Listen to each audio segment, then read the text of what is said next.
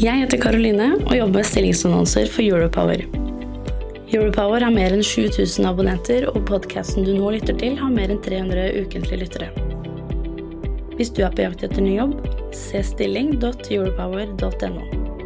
Ta også gjerne kontakt med meg dersom du ønsker å annonsere ledige IT-stillinger i fornybar energibransje. Alle selskap har sin egen portefølje av system og løsninger og integrasjoner osv. Og, og de må vi forholde oss til. Du lytter til Teknologioptimistene fra Europower Partner. Redaksjonen i Europower har ikke medvirka i denne produksjonen. Hei og velkommen til podkastserien Teknologioptimistene. Jeg heter Skjul Kristian Aamodt, og jeg har erfaring fra å bygge, internasjonalisere og selge softwareselskap i energibransjen. Nå jobber jeg som kommersiell leder i nyhetstjenesten Europower, og jeg er overbevist om at vi trenger teknologioptimister for å løse energi- og klimakrisen. Er du en teknologioptimist? Har du lyst til å utgjøre en forskjell i energibransjen? Gå inn på stilling.europower.no for å se ledige stillinger akkurat nå. Forrige uke så skrev jeg en kommentar på LinkedIn der jeg stilte spørsmål om nettselskapene er litt sånn sirumpa treige når det gjelder innovasjon innen IT og software. Og her fikk jeg reaksjoner fra bl.a. Lars Bertinussen. Og dermed var den saken klar. Jeg måtte ta en prat med Lars. Så da sitter vi her da, hos Lars Bertinussen, som leder Digin, energiselskapenes eget bransjeinitiativ for digitalisering. Visste du at teknologioptimistene i energibransjen nå skal møtes for erfaringsdeling og nettverkbygging? Gå inn på teknologioptimistene.no for mer informasjon om energibransjens IT-konferanse. Lars, hvem er du, utover at du kommenterer på LinkedIn? Uh, jo, takk for introduksjonen. Uh, dette blir en kul samtale, tror jeg. Um, vi kan provosere hverandre etter hvert. Men uh, utover, utover, den korte introduksjonen du hadde, så er jeg jo den teknologi, teknologioptimistiske statsviteren som jobber i en av landets mest ingeniørtunge bransjer. og det syns jeg er ekstremt spennende. Så du er statsviter innen IT? Eller å jobbe med IT? Ja, Uh, stort sett faktisk jobba med IT nesten hele Ikke hele livet, men hele karrieren. Men jeg er altså statsviter med hovedfag, eller kan på litt, da. Uh, med fordypning i HR, egentlig. Så langt fra det jeg egentlig har som utdanningsbakgrunn. Hvorfor valgte du den retningen? Hvis vi skrur tida tilbake til når du satt og skulle fylle ut noen Sikkert ikke digitale skjemaer den gangen, men kanskje noe på print? Veldig fysiske skjemaer. Ja? Jeg, jeg, tror det var som de fleste andre, en ganske, ganske utbredt uh, mengde tilfeldigheter. Uh, man blir dratt hit og man blir dratt dit, og så til slutt så er det et eller annet IT-prosjekt, og så fortsetter man med det.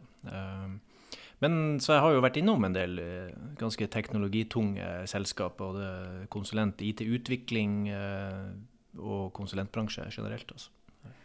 Uh, og så sitter vi her i altså Du leder Digin, uh, men, men, men, du har Energi Norge-halsbånd rundt. Uh, mm. Altså Vi sitter i lokalene til Energi Norge. Hvordan er den sammenhengen?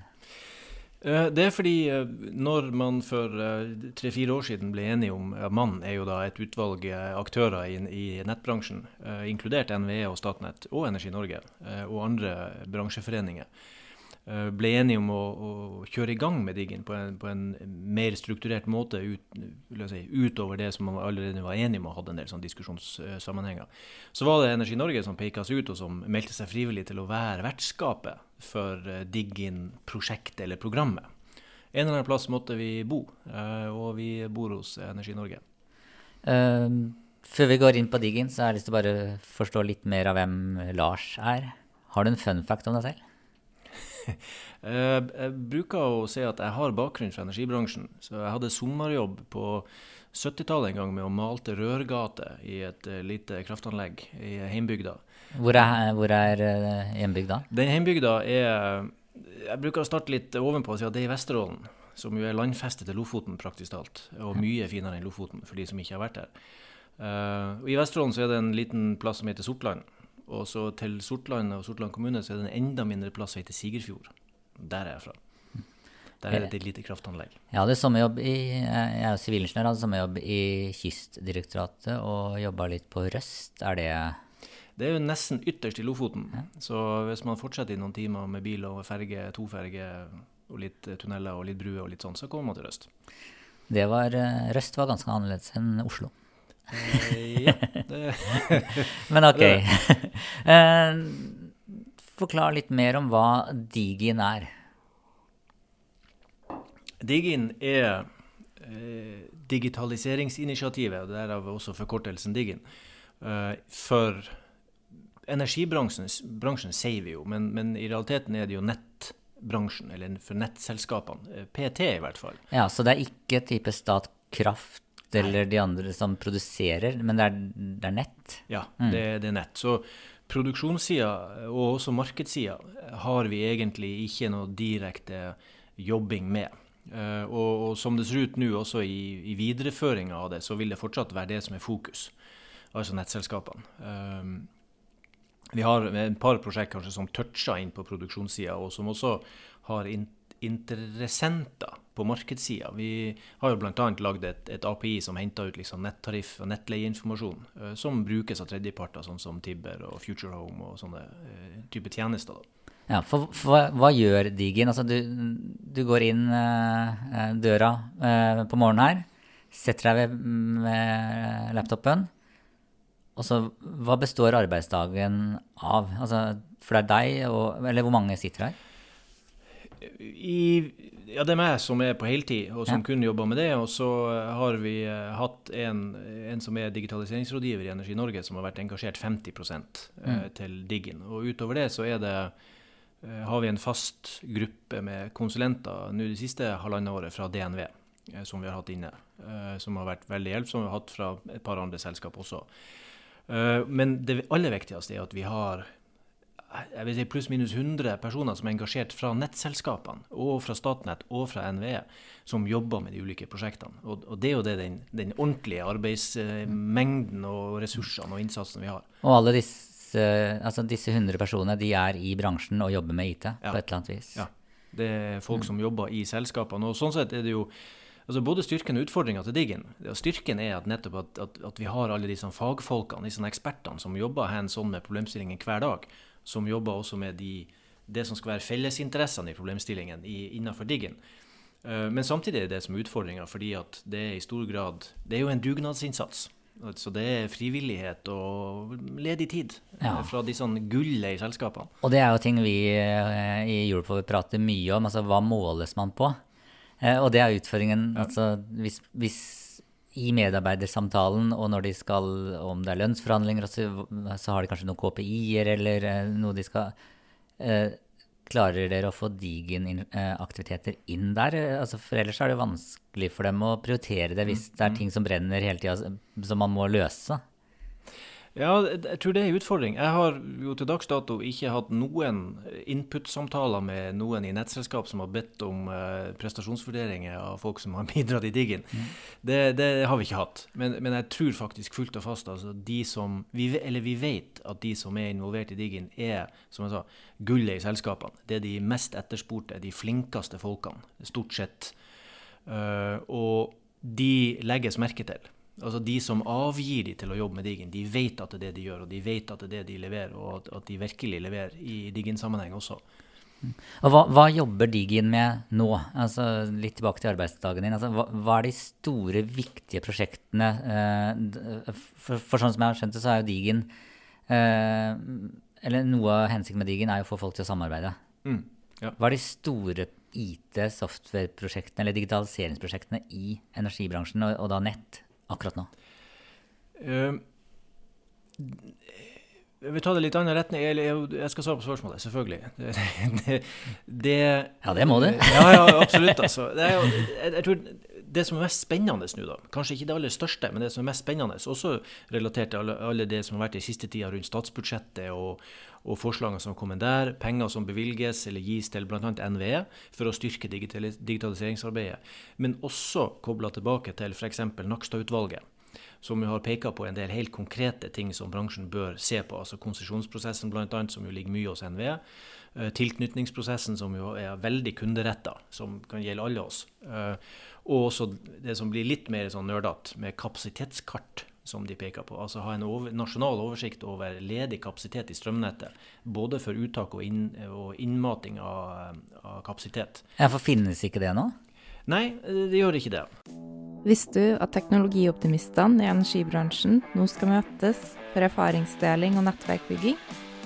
Gå inn på teknologioptimistene.no for mer informasjon om energibransjens IT-konferanse. Når vi snakker om, om f.eks. kapasitetskart, eh, så handler det mer om, litt mer om nedenfra opp. Altså fra, fra lokalnett, regionalnett. Der eksempelvis, altså enten en privatperson da, som skal bygge hytta. Eh, kan jeg få strøm på hytta? Den nye hytta mi? Mm. Ja, det kan du få. Men i dag er det stort sett en manuell prosess som går til hvert enkelt nettselskap, basert på geografien, selvfølgelig. Men, men ambisjonen er at det kan være en lik måte å behandle det på for alle. Men, ja. men spesielt utfordrende er det for de som, de som, krysser grensen mellom nettselskapene. Eksempelvis, Det gode eksempelet er jo ladeaktører. Hvis vi vil bygge en linje med ladestasjoner i en geografi, så liksom, hvor kan vi ha de ladestasjonene? Hvor finnes det kapasitet å ta ut av nettet? Og det må gjøres manuelt i dag. Fra hvert enkelt nettselskap. Men man vil ha en oversikt. Er det et problem for landet vårt at det er altfor mange nettselskaper? Over 100 nettselskaper? Nei, jeg tror ikke det er et problem. Eh, det har Men det vært... kan jo ikke være altså, For sånn som jeg har forstått det, så er det eh, i hvert fall når vi har vært hos og spilt inn denne podkasten, og når vi slår av mikrofonene, så kommer ord som siloer og, og småkonger som sitter på hver sin haug og, og, ikke ønsker mm. å harmonisere. Eh, altså, ja, det er jo når mikrofonen ofte er slått av. Eh, det kan jo, og Hvis noe av det stemmer, så kan jo ikke det være effektivt. Og hvis vi tenker mm. hvem er det som betaler for dette, så, det, så tas vel det over nettleia, da? Det gjør det jo til syvende og sist. Det er jo vi som kunder som betaler hele, hele, hele, hele kostnaden. Mm. Uh, nei, jeg, jeg, tror fortsatt ikke det er et problem om vi har 70 eller 80 eller 100 eller 20 uh, nettselskap. Men, men siloene de merker vi, og de fins. Ja, eh, så siloen er der? Siloen er der, helt klart. Og, og, jeg vet ikke om de nødvendigvis er der så veldig mentalt, men vi ser jo at når vi jobber med digitalisering, så er jo det en av de største utfordringene vi har. Det er jo at vi har den fragmenteringa, den tekniske fragmenteringa. Sånn at alle selskap har sin egen portefølje av system og løsninger og integrasjoner osv. Og, så og de må vi forholde oss til når vi skal standardisere og få noe til å fungere på tvers. Mm. Eh, så må vi forholde oss til alle de si, pluss-minus 80 mm. Uh, løsningen som, som finnes der. Og, og, der er det en teknologisk gjeld og en arv som ligger der, som, som er krevende å, å håndtere og, og, få til å jobbe med. Uh, men, men, styringsmessig sett så, så, tror jeg ikke det er et, et, større problem om det er 80 eller om det er 20 nettselskap i Norge. Så lenge vi får det til å funke mm. i samarbeid. Funker det nå, det samarbeidet? Ja du, du, jeg, Tja? Det, det, det, har hørt litt nølende ut, for jeg liksom tenkte på hva slags perspektiv skal jeg svare ut ifra. Uh, sånn som jeg ser det, i, i, i, vår del av samarbeidet, uh, så fungerer det veldig fint, uh, faktisk. Men, men, som i alle bransjer, tror jeg, med veldig stor forskjell på, mellom aktørene. Det er 80 selskap. Elvia som det desidert største er kjempestor. Har liksom kanskje mellom 40 og 50% av sluttkundene. Sett mot de aller minste selskapene, så er det et, et, et, hav av forskjell med kanskje hvor mye ressurser de har til å gå inn i samarbeid. Eh, og, det er også veldig mye derfor Diggen fins. For at de største må ta ei belastning, og de må være de som bidrar i dugnaden. Mens de små får være med og får, får verdien av det som er gjort i dugnaden. Ja. Og sånn sett, så Noen må jo ha sett at dette er et problem, siden man da oppretter Diggen for å prøve å løse deler ja, av problemet. Ja, ja. Det er det ingen tvil om. Uh, er du ofte frustrert? Nei. Nei, nei faktisk ikke. Uh, jeg er veldig optimist uh, i, i, bunn og grunn. og altså, frustrasjon det, det i, i, i, sånn mot det vi jobber med, den, den fins ikke. Altså. Så, selv om ting går sakte, og selv om noen ikke har lyst til å samarbeide? Og ja, men eh, da legger vi det bare bak oss. Men at ting går sakte, det, det gjør det jo. Uh, og, og, det har jo sammenheng med den, liksom, eh, den, type selskap som vi jobber med, og den samfunnsrollen som de har. Det er veldig, veldig mye solid og god sånn, samfunnsansvarskultur i bransjen. Uh, som også kan være litt utfordrende av og til. Når, eksempelvis, dette er veldig kort, når vi ønsker å etablere et kapasitetskart, så vil vi, syns vi at kanskje på kort sikt, og i en slags low hanging fruit-type variant, så er vi bare interessert i å få et begrep om finnes det ledig kapasitet. Mens de som sitter med det gode ansvaret, de vil gjerne gi et kjempegodt, grundig svar. Hvis de skal si noe om ledig kapasitet, så vil de gjerne ha det svaret med to desimaler. Uh, og der, der, der, der, blir det jo av og til sånn, litt sånn tautrekking mellom Ja, men kan du ikke bare si Er det grønt eller rødt lys? Uh, vi behøver ikke to desimaler. Men det er bare, det er bare kule diskusjoner, syns jeg. Jeg blir ikke frustrert over de, altså. Dessverre. Uh, hva, altså de, er det nettselskap som sier nei, vi vil ikke være med i samarbeidet? nei, men det er nettselskap som sier at vi kan ikke være med. Det, det har vi opplevd flere ganger. Så at vi vil gjerne være med, men vi kan ikke fordi at, primært fordi at de har ikke ressurser og, som kan bidra inn i samarbeidet. Og, og si at de føler rett og slett at det er litt urettferdig eh, at de skal være med og ikke bidra med ressurser. Eh, det, det, har vi opplevd. Men jeg har faktisk ikke opplevd at noen som sier at nei, vi vil ikke være med. Men det har jeg ikke. Disse siloene eh, og ulike software eh, som brukes, som da typisk kanskje er blitt spesialutvikla altså, over mange år, mm. eh, og som er for dyre å bytte ut. Opplever du at eh, leverandørene av software og, og IT, konsulenter, eh, jobber for eller imot det å bryte ned siloene? Ja, vanskelig å si. Altså, jeg tenker vel egentlig at vi, vi opplever at det er en positiv holdning til å la oss si, lette markedet. Uh, I den forstand at uh, de vi jobber med, er veldig positive til at en del kan, Vi kan kanskje komme tilbake til det. Et av de prosjektene vi jobber med, er nettopp for å senke terskelen for leverandørbytter av en del software. Jeg har prata med så mange på podkast at når man drar så på svaret, så er det litt ja, jo det, Ja da, OK, da. Eh, litt, eh, litt, er det det. Det er klart, det fins fordi, fordi, de vil jo tjene på å kunne selge ting flere ganger, kanskje? Eller at det ikke Og datadeling og deling av kode osv. Altså, med tanke på konkurranse? Det er jo et element i det, selvfølgelig. Og, men det, det, det, er kanskje derfor jeg drar litt på det. Fordi, fordi jeg forstår jo som konkurranseelementet og, og, og liksom, den, den, markedsandelen man har, den lock-in man eventuelt har, i en bransje eller blant, blant, kunder, vil man gjerne beholde. Og hvis det kommer nokså trua det, eh, så er man kanskje ikke all in på, på det prosjektet. Men, men, de vi jobber med på, på det, er faktisk veldig positive. Men men på noen områder i bransjen så er det en utfordring at det finnes veldig dominerende eh, leverandører. Det, det gjør det. Og, og det, tung, det, kan være tungt. Eh, da kan man kanskje hente noen erfaringer fra HMS, for der opplever jeg vel at uh, man har kommet så langt at, altså, at kan man redde et liv, så skal man gjøre det. Selv om det er konkurrenter. Ja. ja. Og det er, jo, det er også fordelen i, i, denne bransjen. Det er jo det at det, konkurransen er jo altså Det er jo en regulert konkurranse eh, mm. på mange måter. Eh, og, og, altså for nettbransjen, da. Um, og, og, Sånn sett så er det en ganske stor del av virksomheten som egentlig ikke er konkurranseutsatt, og som de uh, har egentlig veldig stor fordel av å samarbeide om. Vi bruker å sammenligne mye med å se til finansbransjen og hva, hva som har skjedd der de siste 30-40 årene. Altså på samarbeid, altså gå fra helt, helt uh, distribuerte liksom, aktører som ikke har noe samarbeid. Altså, du gikk i sparebanken med sparebankboka di sant, og fikk et frimerke og et stempel. I dag har vi VIPS og, og God knows. Um, og vi, vi, tenker også at det finnes masse sånne fellesting også i nettbransjen som man kan dele og gjøre i fellesskap, og gjøre likt. Men så finnes det en liten del som de også konkurrerer på, og det skal de få lov til å konkurrere på. Uh, vi må bare finne akkurat det, det gylne skjæringspunktet der vi kan si at ok, vi jobber dit, bort for der skal dere få lov å konkurrere. Visste du at teknologioptimistene i energibransjen nå skal møtes for erfaringsdeling og nettverkbygging? Gå inn på teknologioptimistene.no for mer informasjon om energibransjens IT-konferanse. Hva er det mest spennende med eh, prosjektet, syns du?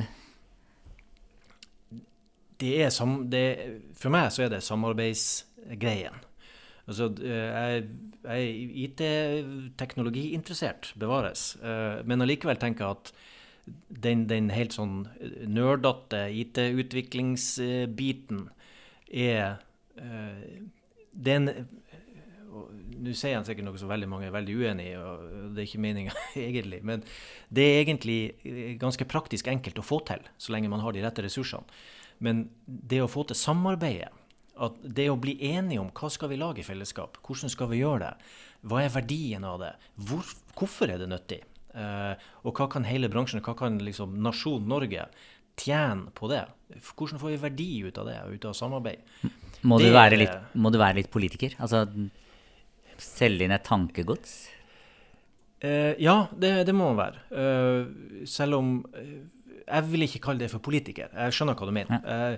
Uh, for meg så er det mer sånn god, gammeldags uh, endringsledelse.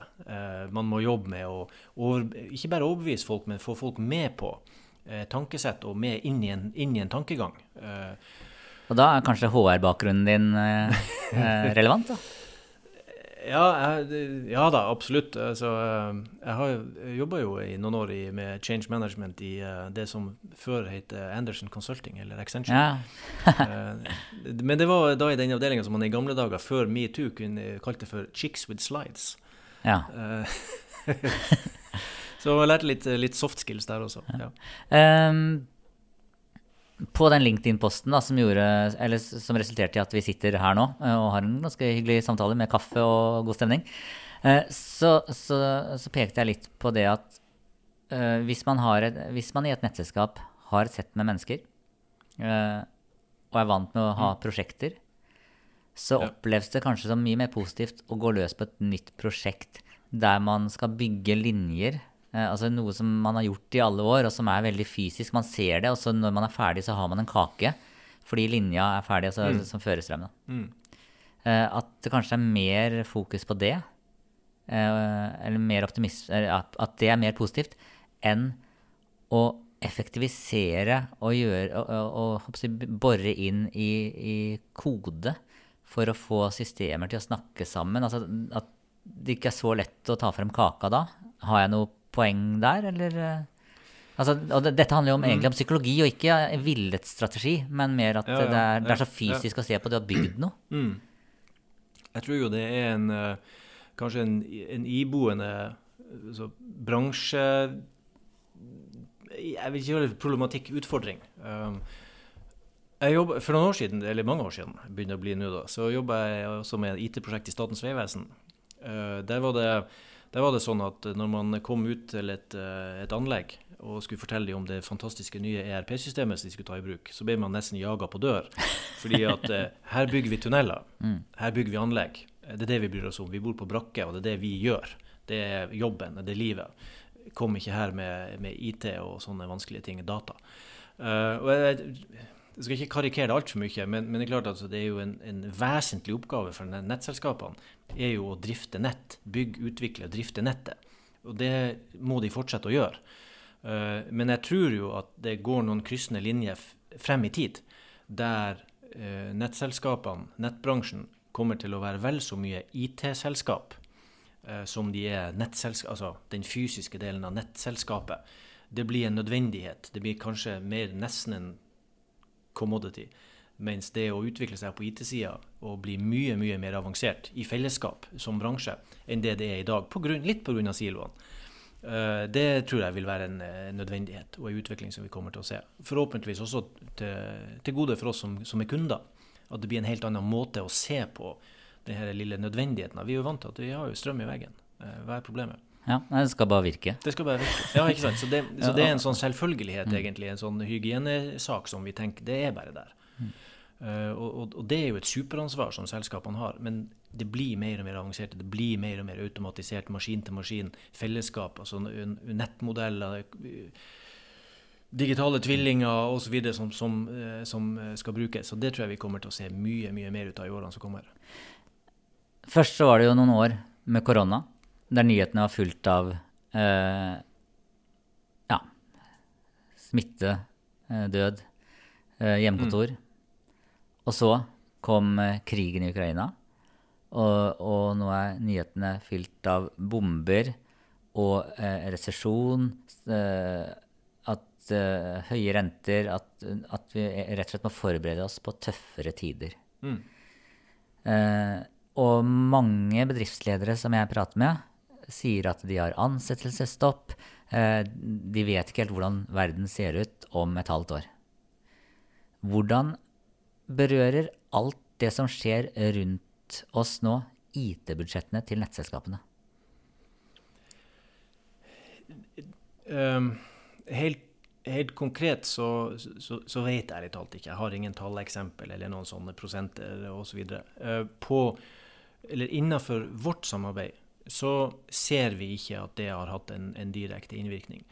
Uh, uttalt uh, så ser man heller det motsatte. Altså, øk, altså det, det veldig økt oppmerksomhet på skikkelige IT-løsninger, altså ikke minst sikkerhet, uh, både cyber og fysisk, som, som er blitt superaktuelt det siste halvåret. ikke sant? De ut, det uttalte går veldig mye i retning at dette må økes, dette må vi øke innsatsen på. Her må vi virkelig gjøre noe. På digitalisering, på sikring osv. Eh, tallmessig har jeg ikke noe eh, informasjon om. Men det er ingen som har kommet til meg og sagt at vi må redusere aktiviteten. Og, og da er du inne på noe, noe spennende og skummelt. Uh, cybersecurity, eller uh, mm. angrep. Uh, og, og, så har jeg hatt Jon Andreas Petorius som, fra Elvia. Han er vel ja. i styret ditt? Han er min styreleder. Han er din styreleder. Ja. Og, og, det er jo et stort selskap, et stort mm. nettselskap, Elvia, med masse ressurser. Ja. Men så nevnte du altså de bitte, bitte små nettselskapene som ikke har mulighet til å stille inn i Digin, og som mm. altså, har, har, de små nettselskapene i det hele tatt sjans til å stå imot et angrep hvis, hvis uh, Ta Russland, da, som er, kan være angriper. Hvis de velger å ta ut uh, nettet i, i et uh, grisgrensestrøk? Mm. Jeg skal ikke uttale meg om uh, organisering av norsk sikkerhetssektor, men, men, men, det er klart Jeg tror de, de, aller fleste nettselskap, i hvert fall, på IT-sida, så, så, er min forståelse at de er godt sikra fordi at de stort sett De har skybaserte tjenester, de kjøper tjenester fra profesjonelle aktører og leverandører og har lite Uh, altså sånn god gammeldags lokal sikring uh, av, av, sitt, sitt IT-landskap. Uh, og dermed så tror jeg egentlig at det er ikke så veldig stor forskjell på små og store selskap. For de, de, de, de kjøper stort sett de samme tjenestene. Men når det er den fysiske sikringa, så, så, har det jo mye mer med geografi og tilgjengelighet å gjøre enn om selskapet er stort eller lite. Det er nok, det er nok like risikabelt for Elvia som det er for et lite et lite kraftlag. Uh, gitt at ting er, er, langt ute i geografien og vanskelig å, å overvåke og kontrollere, så kan det skje fysiske ting. Det som kan være forskjellen på, mellom en del selskap, om de er store eller små, det skal jeg ikke mene så mye om, men det er jo på overvåkingssystemene som de har på sitt eget nett. Altså det å kunne, og her er vi jo inne på digitalisering igjen. altså Det å kunne detektere endringer i nettet raskt, eh, og ikke minst da kunne styre styr Eh, strømmen, bokstavelig talt. Når det skjer noe. Også som, som, mange jobber med, med å kunne være prediktiv på det, faktisk. Og se spenningsendringer før, før nettet er nede. Det brukes droner for å overvåke nettet for å finne brudd, bruddsteder osv. Uh, der er det noe stor forskjell mellom, uh, mellom selskapene. Uh, det er det. I, I Europower, som jeg jobber, så har vi som slogan 'Kunnskap for bedre beslutninger'. Eh, og det betyr at redaksjonen, altså journalistene, eh, de, mm. de, har som mål å, å, å, å tilby en ny, nyhetstjeneste som gir ledere og beslutningstagere kunnskap for bedre beslutninger. Eh, det samme har vi som lager podkast og som jobber med kommersielt. Eh, alt skal være kunnskap for bedre beslutninger. Og det syns jeg det gir, det gir, en mening, spesielt nå i disse tider der man må ta en del beslutninger. Eh, hva er det du brenner for? Hva, hva, det, hva får deg Hva gir deg glede? I jobben, tenker ja. jeg. Uh, jo, det er, det er, faktisk når disse uh, samarbeidsoppleggene våre fungerer. Altså når vi ser at, uh, si, at folk stiller opp det, det, høres jo banalt ut, men altså i, i, i vid forstand. Folk stiller opp og deler eh, og frivillig del, eh, og gir ifra seg faktisk kunnskap. Og Man kan gjerne si kunnskap er makt, og, og det er konkurranse osv. Men, men det opplever jeg i denne bransjen, i motsetning til andre bransjer jeg har vært inne i tidligere, at den villigheten til å dele er veldig stor. Uh, og det har kanskje sammenheng med, med struktureringa av bransjen. altså dette liksom, monopolet og kunst, eller, kunstige konkurransen i anførselstegn. Uh, at, at det, er en, det, er ikke farlig å dele. Man vil gjerne. Uh, men, men, jeg tror det som, og når det skjer, så syns jeg det er helt fantastisk. Og ikke minst hvis det er vi i Diggin som har vært som har greid å dra det i gang. Få, få, til en møteplass der folk kan liksom Eh, gi fra seg informasjon og ta til seg informasjon og bruke det til noe nyttig. Det synes jeg er helt eh, fantastisk, altså. Uh, men, men, samtidig så er det jo uh, uh, så er det jo sånn at man skal være i stand til å bruke den kunnskapen man får. og, og det, det, er ikke like, like lett bestandig. Ja, og det er jo sånn, Vi hadde jo inne Thomas Pettersen Ander i Embrik, IT-selskapet mm. Embrik, og de har jo sånn soft, nei, Data is everywhere. Altså, ja, Dataen ja. er der, men det er jo det Hvordan bruker du den? Ja, ja. Mm. Og, det, og det er også en av de utfordringene vi ser. Det er jo at det finnes jo hos nettselskapene, mm. de er jo mine primære eiere, selvfølgelig. Mm. Så det finnes jo masse informasjon der. Masse data.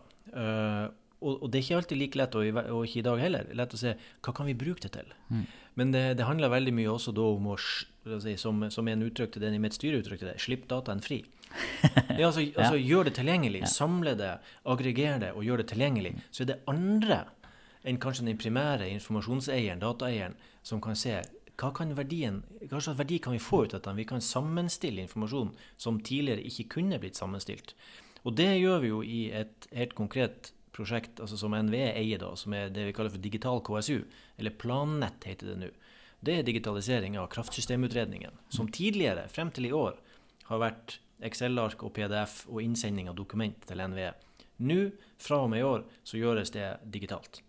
Det er, det, betyr, det er, deilig. Det er helt, og det er helt fantastisk. Det, altså man, det er første gangen jeg så det kartet ja. som, som, kunne produseres ut fra den informasjonen, så var det så jeg fikk liksom gåsehud. Og det får jeg nå også, kjenne. Uh, for at man, man, man, får frem og fremstilt informasjon på en måte som aldri har funtes før. Uh, man kan se totaliteter, f.eks. Hvor mye planlegger nettselskapene å bygge ut? Hva tror de om kapasitetsbehov fremover? Og man kan sammenstille og summere det, aggregere det regionalt, nasjonalt.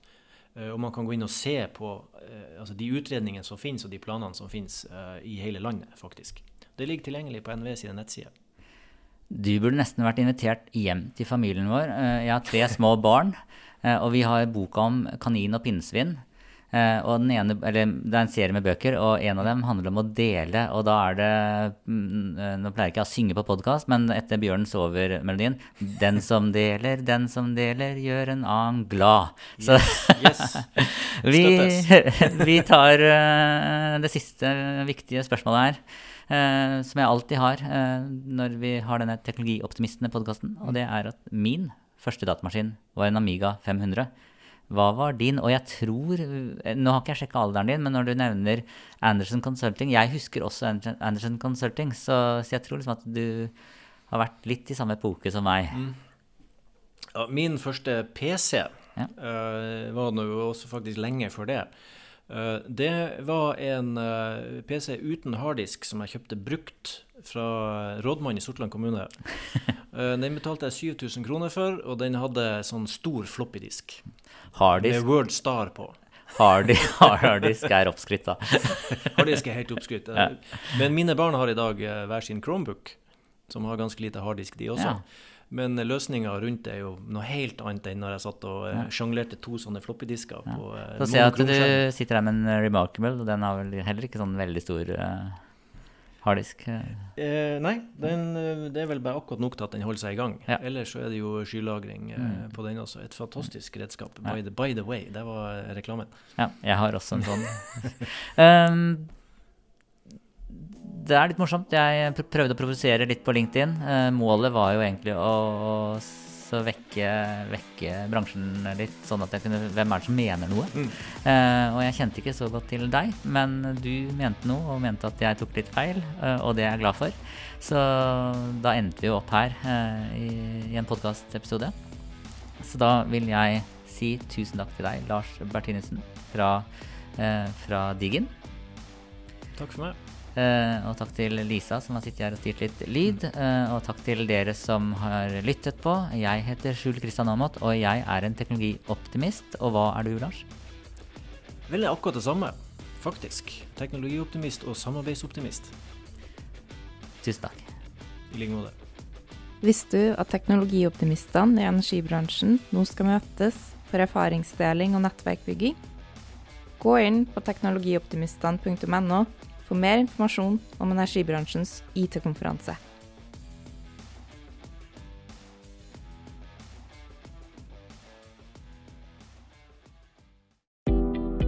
Jeg heter Karoline og jobber med stillingsannonser for Europower. Europower har mer enn 7000 abonnenter, og podkasten du nå lytter til, har mer enn 300 ukentlige lyttere. Hvis du er på jakt etter ny jobb, se stilling.europower.no. Ta også gjerne kontakt med meg dersom du ønsker å annonsere ledige IT-stillinger i fornybar energibransje.